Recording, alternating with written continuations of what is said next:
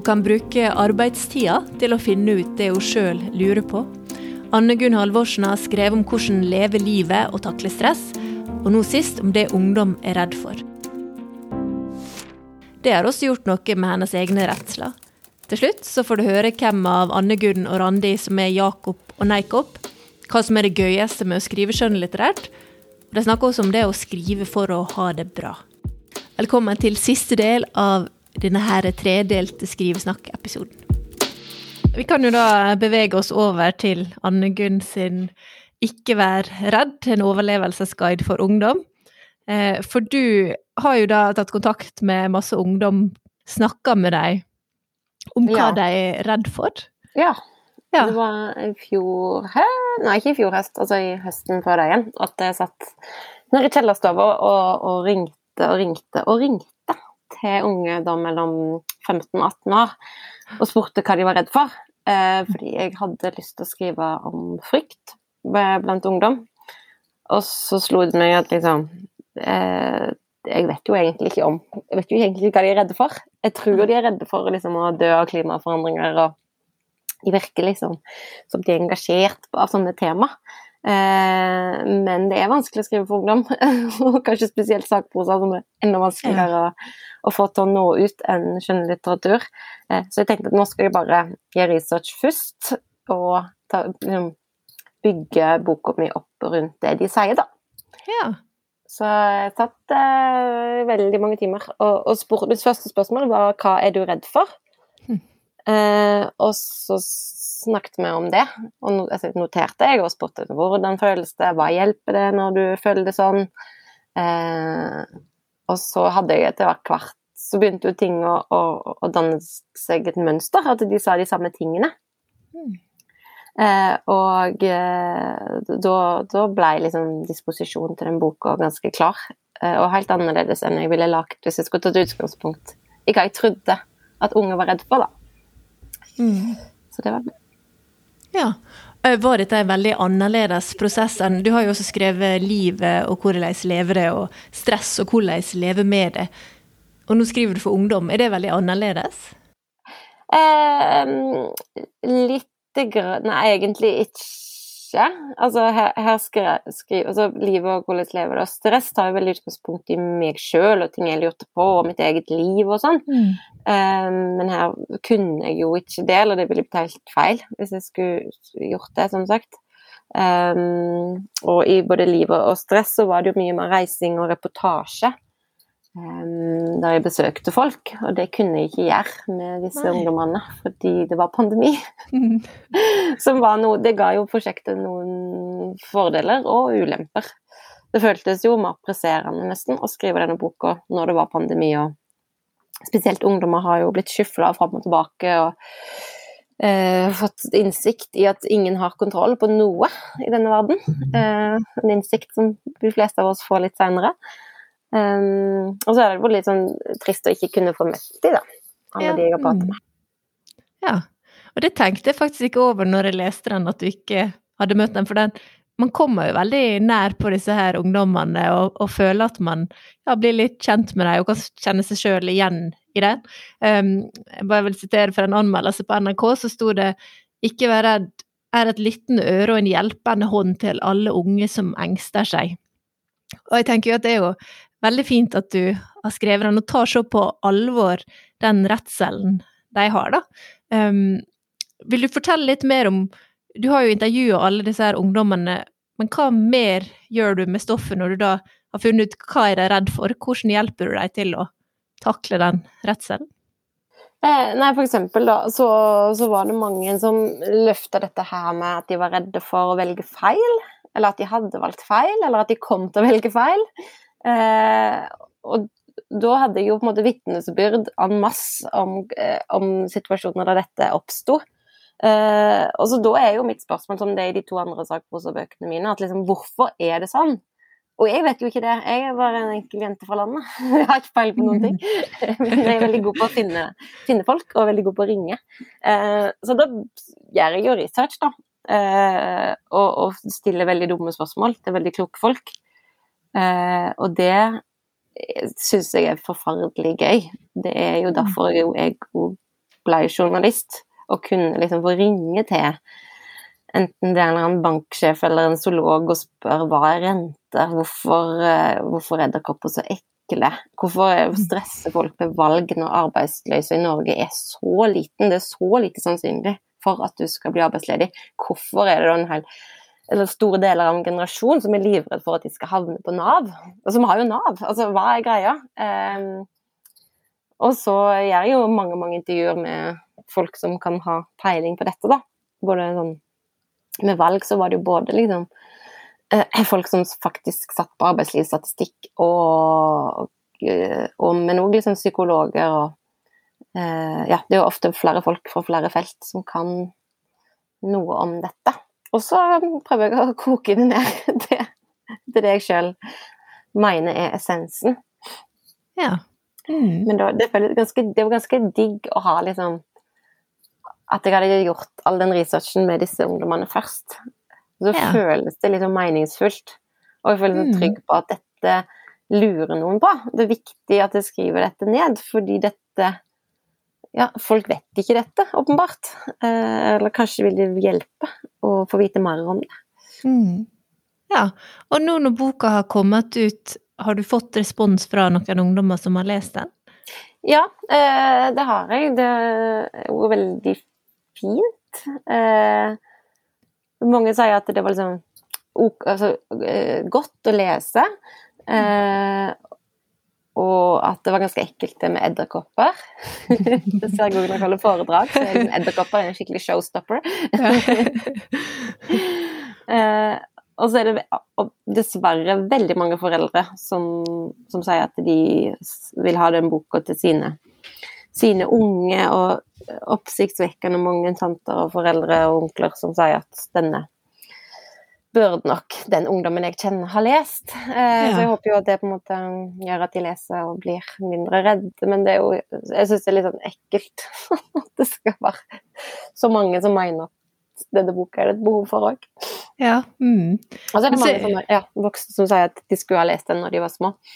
Ja. Eh, men for min egen del så har jo jeg hatt veldig mye glede av det sjøl, å få vite alle disse tingene. Ja, for har det gjort noe med dine redsler å gå inn i dette her? Ja, absolutt. Og det, det, gjelder jo med de to andre sakposebøkene mine òg. 'Livet' skrev jeg jo som en slags småbarnslivguide når jeg sjøl var blitt småbarnsmor, og stress kom jo liksom etter etter å ha vært veldig stressa og våkna mye om nettene. Og liksom igjen Hva fader er dette her? Ja. Eh, og det er jo kanskje ikke helt tilfeldig at jeg skriver en bok om frykt heller. At jeg har mye sånn Mye jeg går rundt og lurer på om jeg lurt å være redd for. Eller om jeg burde være redd for. Eh, så, mm. så, alt dette her er jo på en måte et kjempeego-prosjekt. Der jeg eh, eh der jeg jo basically bruker arbeidstid på å finne ting jeg sjøl lurer på. Og i fryktboka, da, så, så har jeg jo blitt masse mer sånn tilgivende overfor meg sjøl når jeg er redd for dumme ting. Ja. Mm. så deilig. Det er, jeg reagerer nå fordi dette er biologisk nedfelt at jeg skal være redd for slanger og høyder og edderkopper, f.eks. Ja. Eh, det er ikke rart at jeg syns det er vanskelig å velge, fordi jeg blir fortalt at det finnes et riktig valg alltid. Og det stemmer ikke, men det kan jeg tro. ja. Mm. ja. Litt mye mer snill med meg sjøl. Eller mye mer, litt mer snill. Ja. Men det høres veldig fint ut, dette her å kunne ja, skrive noe for din egen del som også er til glede for så mange andre. Hvordan var det du begynte med det når du skrev da livet? Var det, visste du fra starten av at dette skulle bli ei bok til flere, eller var det bare en undersøkelse for din egen del for å finne ut av ting? Eh, det prosjektet begynte med at jeg ble kontakta hos ble redaktør for den boka, eh, som sa noe sånn Kanskje du kan skrive noe om å flytte i rekkehus? Og så bare eh, Nei, det kan jeg ikke, for utrolig kleint opplegg. Men så hadde jeg veldig lyst til å skrive bok, og så var det oppriktig talt veldig mye jeg lurte på ved dette voksenlivet. Og så tenkte jeg sånn Jeg, jeg bor òg i sånn hus der det er liksom identisk rekkehus liksom langt nedover. Og nesten alle rundt meg var i samme situasjon og vi hadde overtatt det huset etter en familie som flytta pga. skilsmisse, og som var helt identisk speiling av oss, bare liksom sju år fram i tid. Mm. så sånn, og så var liksom, alt føltes så usikkert, og man hadde masse mennesker man hadde ansvar for, og alt var liksom litt sånn nytt og ukjent. Og så tenkte jeg men jeg lever jo et så sjukt vanlig liv, og alle i disse husene ved siden av meg, og de som flytta ut Altså, vi lever jo det samme livet, eh, og likevel så vet jeg så lite om hva de gjør, sånn rent praktisk, med alt. Med penger, med samliv, med mat. Jeg følte som jeg liksom måtte finne ut alt på nytt, da. Og hver gang jeg hadde funnet ut noe, så kom det noen nye retningslinjer som sa at du ikke skulle spise kylling istedenfor rødt mm. kjøtt. For kylling var fullt av narasin, og det er kjempefarlig. Alt var bare sånn wow, her gjelder det å være årvåken hele tida, og det er slitsomt. Ja. Eh, så, så, det var jo Det utvikla seg Det er jo all hovedgrad liksom et prosjekt for min egen del. Eh, men selvfølgelig skrev det jo for det at jeg håpte det skulle bli en bok. Mm. Um, men jeg hadde jo aldri skrevet bok før, og trodde jo ikke det at det skulle gå, men så merka jeg For jeg tok bitte litt ulønna perm i forlengelsen av en barselperm. Og så er det jo, denne boka er jo veldig sånn reportasjedrevet. Jeg har gjort masse intervjuer, masse besøk hos folk. Ofte litt sånn vonde og kleine besøk. Der jeg liksom mm. snakker om skilsmisser til folk og ting som er veldig så vondt å spørre om altså På et tidspunkt så hadde jeg gjort så mange sånne intervju. Jeg husker det så godt, for det var sånn januar, tror jeg jeg begynte i august, og dette var januar. Så bare tenkte jeg nå, nå må jeg fullføre denne boka. Hm. Ellers så er det uutholdelig eh, å være meg, for da må jeg liksom forholde meg til alle de stakkars folka jeg har intervjua. Og liksom at det ikke blei til noe. Jeg hadde liksom, hm. det var skikkelig sånn her, følelse av å ha bundet seg til masta, så nå måtte jeg bare komme i land, eller så kom jeg til å gå ned med det skipet. da. Ja. Eh, for skammen hadde blitt så stor. Eh, hvis, hvis alle disse folka som jeg hadde, og det var venner og bekjente, og hvis alle de jeg hadde involvert, eh, skulle se at jeg ikke klarte det. Ja. Og som hadde satt av tid til meg. Nei, uff a meg. Det husker jeg faktisk grusomt, for da skjønte jeg at nå må du bare gjøre dette her. Eh, så det måtte jeg, da.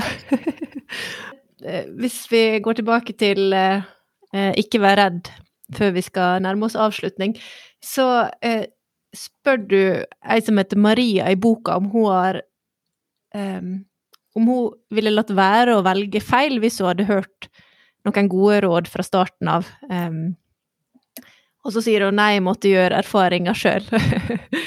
tror, tror, du det kan hjelpe å lese om det? Eller må man liksom gjøre disse erfaringene sjøl? Jeg håper jo og tror at man må gjøre erfaringene sjøl. Um, boka har jo en ganske dum tittel, den heter 'Ikke vær redd'. Um, men vi gikk noen runder på det, bare jeg fuck it, vi gjør det likevel. Selv om det Boka er veldig sånn Du må være redd av og til, for ellers er du psykopat. Uh, avstumpa. Um, men, jeg, men jeg, det er jo òg utallige oppfordringer i den boka til at liksom, du må gjøre det. Men problemet er jo at man kan bli så redd at man ikke tar noen valg. Mm. Eller at man ikke tør å, å, søke på den skolen man egentlig har lyst på eh, fordi man er redd for å ikke få venner, f.eks. Mm. Eh, og det er jo det som er kjipt med at det er så mange unge redde nei, unge, at så mange unge er redde. At de, mm. det kan hindre dem i å gjøre ting som de må, eller bør, da, eh, for å få et, et godt voksenliv seinere, og for å finne ut hvem de er. Mm. Um, stress er jo òg litt sånn Når jeg skrev bok om stress, så, så, så lærte jeg jo det at det er en sånn veldig sånn paralyserende eh, følelse. Altså sånn, du blir mindre produktiv, mindre kreativ, du ser ikke framover. Du blir ja, du, du, tar ikke konstruktive valg da, hvis du er veldig stressa over lang tid. Og Det er det som er så kjipt synes jeg, med at unge er redde og stressa, eller at undersøkelser viser at mange er det. At de, det er jo nå de skal eh, gjøre og ta masse sjanser og planlegge mm. eh, og, og, prøve. Det er nå de skal prøve, og hvis du er mm. veldig redd og stressa, så våger du ikke det. Nei. Mm. Men det er veldig morsomt, da, for det, det hjelper jo ikke å si 'ikke vær redd'. Det hjelper heller ikke å si 'ikke tenk på det'. Eller liksom Det går bra. Det det dummeste du kan si. Men det, jeg tror det kan hjelpe å ja, se hva andre har gjort, og også Jeg tenker på halve Kongeriket-serien, der de også får um, oppleve at disse her ungdommene gjør kanskje ikke all, bare bra valg, men at det går bra likevel.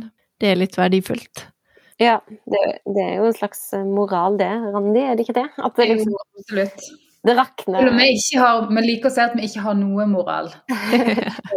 Men hvis vi måtte ha sagt at det var en moral, så er det jo det at uh, det går bra. Alt går bra. Du kan drite deg kraftig ut og gjøre skikkelig masse dumme ting og ta masse, masse feil valg, og det kommer til å ordne seg likevel. Ja, altså, du fortjener at det går bra. Altså, du fortjener å, ha, å, gå på fest selv om du har dumma deg ut. Du fortjener liksom å, å, å, få nye sjanser og ha venner. Altså, det er ikke sånn at du trenger å straffe deg sjøl til evig tid hvis du sklir litt. Det er bare å finne balansen din og så fortsette. Mm. Det er en god lærdom å ta med seg videre. Eh, og da har jeg tre spørsmål jeg pleier å ta til gjestene mine til slutt. Eh, er det et spørsmål dere skulle ønske dere fikk i et intervju? Ja, jeg har et spørsmål. Hva er det aller gøyeste med å skrive skjønnlitterært? Skal jeg svare sjøl, òg? Gjerne det. Ja, Det gøyeste med å skrive skjønnlitterært er at man kan avslutte alle samtaler og alle scener og situasjoner i livet akkurat når man vil. Akkurat når du har sagt liksom, en litt sånn punchline eller noe gøy, og så bare sånn Det har jeg tenkt på så mange ganger i mitt liv. At hvis jeg bare liksom hadde sånn ferdig nå Ikke ferdig, men sånn cut to the next scene, liksom. Så hadde ting vært så mye enklere. Men det er alltid sånn I virkelig liv må man ha så mye småprat og bare sånn ja, ja, og liksom og Hvis du skal vinke til noen på toget, så går ikke toget akkurat når du vil. Så blir du stående og bare sånn vink, vink, vink, vink, vink, vink liksom 10 000 ganger. Jeg liker liksom, jeg liker snappy nesten man kan skape av å skrive verden sånn som man ønsker at den skal være. Jeg har ikke tenkt på det, men veldig, veldig gøy. Ja. Sant. Det er veldig gøy. Jeg skulle ønske Lars stilte litt mer spørsmål om musikkreferansene i alle kongeriket. ja. for dere jobber mye Jeg har ikke jobba så mye med det, men det er stor, en stor kilde til glede, iallfall hos meg, å putte inn låter Gunn er musikkansvarlig. og, og liksom referanser og hele eh, bok Og det er veldig ofte at dette går helt under radaren for mange av leserne, eller de fleste, og til og med av til for Randi og for redaktøren vår. For eksempel på Tronen, bok tre, så er jo hele boka egentlig, tenker jeg da, eller tenkte jeg at alle var med på, var en slags hommage til den Wear Sunscreen eh, snakk Eh, hele boka er modellert, at den siste talen skal være et nikk til den. Um, men det var jo jeg som skrev den siste talen, så jeg hadde jo ikke det overhodet ikke det bak. Så da måtte Anne Gunn redigere inn i etterkant. jeg syns det er så smart, og det er ingen, ingen som har sett det. Nei. Jeg skal huske å ha det i mente når jeg leser neste bok som kommer. Ja. Det var en gang det var si, Bok nummer fire hadde vel på et tidspunkt elleve steder der Dune-filmen ble nevnt. Så det kan hende at Men hun er veldig flink til å umiddelbart bruke ting hun har opplevd, og putte det rett i i boka. Så nå har du sett Dune, så var det, så var det, var det overalt i den boka. Og når du, der, jeg merker det faktisk det aller, aller nyeste manuset som har begynt på nå. Der har, fordi eh, Anne Gunn kom på kontoret og var veldig sånn ivrig for hun kjøpt seg et nytt dørskilt på etsy.com. Og like etter så skulle jeg lese siste del som hun hadde skrevet, og der dukka etsy.com opp. Så eh, folk som vil ha eh, plassering i bøkene, ta kontakt med meg. Om en avtale. Dette kan nok skje veldig liksom Trenger ikke få betalt for noen ting, bare liksom begynne å snakke med Anne Gunn om et eller annet. Så mm. kommer det til å komme opp i, i um, og hva har vært viktige vendepunkt for skrivinga deres? Altså denne serien, tenker du, eller all skriving? All skriving. Jeg tror For min del så vil jeg jo si det vi snakket om i stad, det å klare å skrive ferdig en roman. Ja. Det har vært et viktig vendepunkt på alle måter. Og så eh, kanskje når jeg eh, òg eh, liksom begynte å eh, At utlandet var interessert i både altså Halve kongeriket-bøkene er jo solgt til ti land. Og bare, for det, det åpner opp en helt sånn Pandoras boks av liksom nye og artige ting. Um, og selvfølgelig mer penger. Det er jo mer økonomi i dag, liksom. Så det er jo et slags vendepunkt òg. Ja. Mm. Eh, for min del, for den første boka, som òg var en slags blodpropp, som Randi kalte sin første iallfall krimbok, da, men min første bok, 'Livet hvordan lever det', den var jeg så redd Eller var så usikker altså, Hele greia var så skummelt når den ble mm. ferdig. Men så fikk jeg femmer i Dagbladet.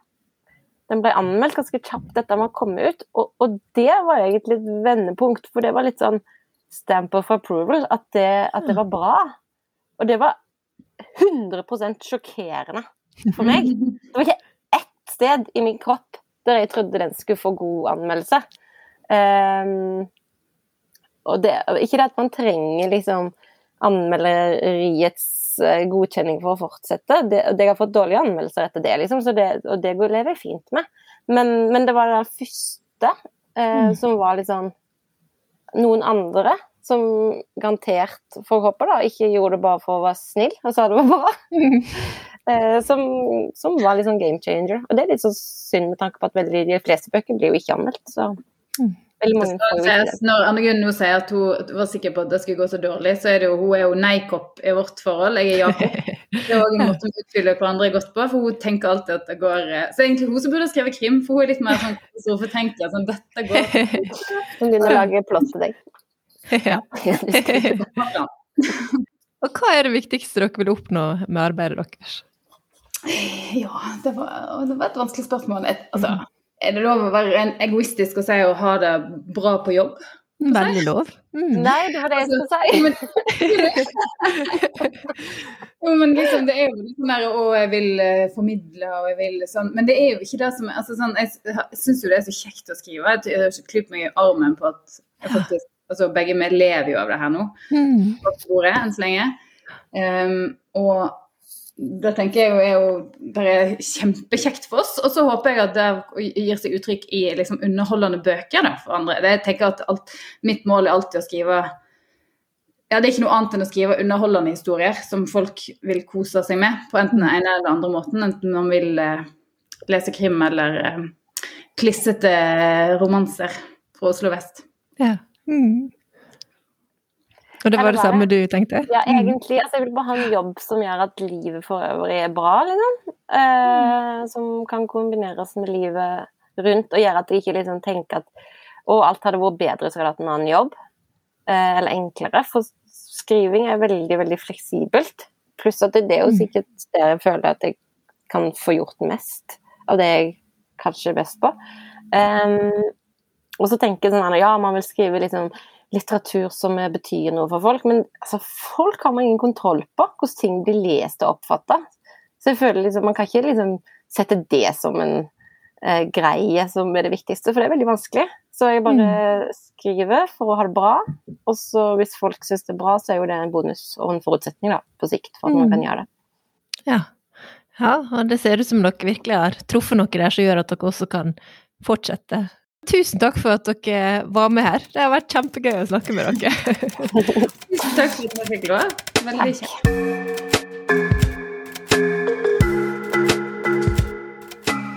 Takk for at du hører på Skrivesnakk.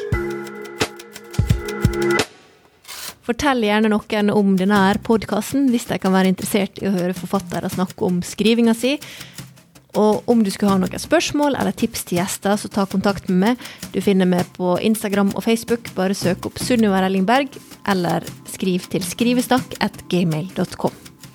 Så blir jeg også veldig glad hvis du vil gi noen stjerner enten i Spotify eller i iTunes.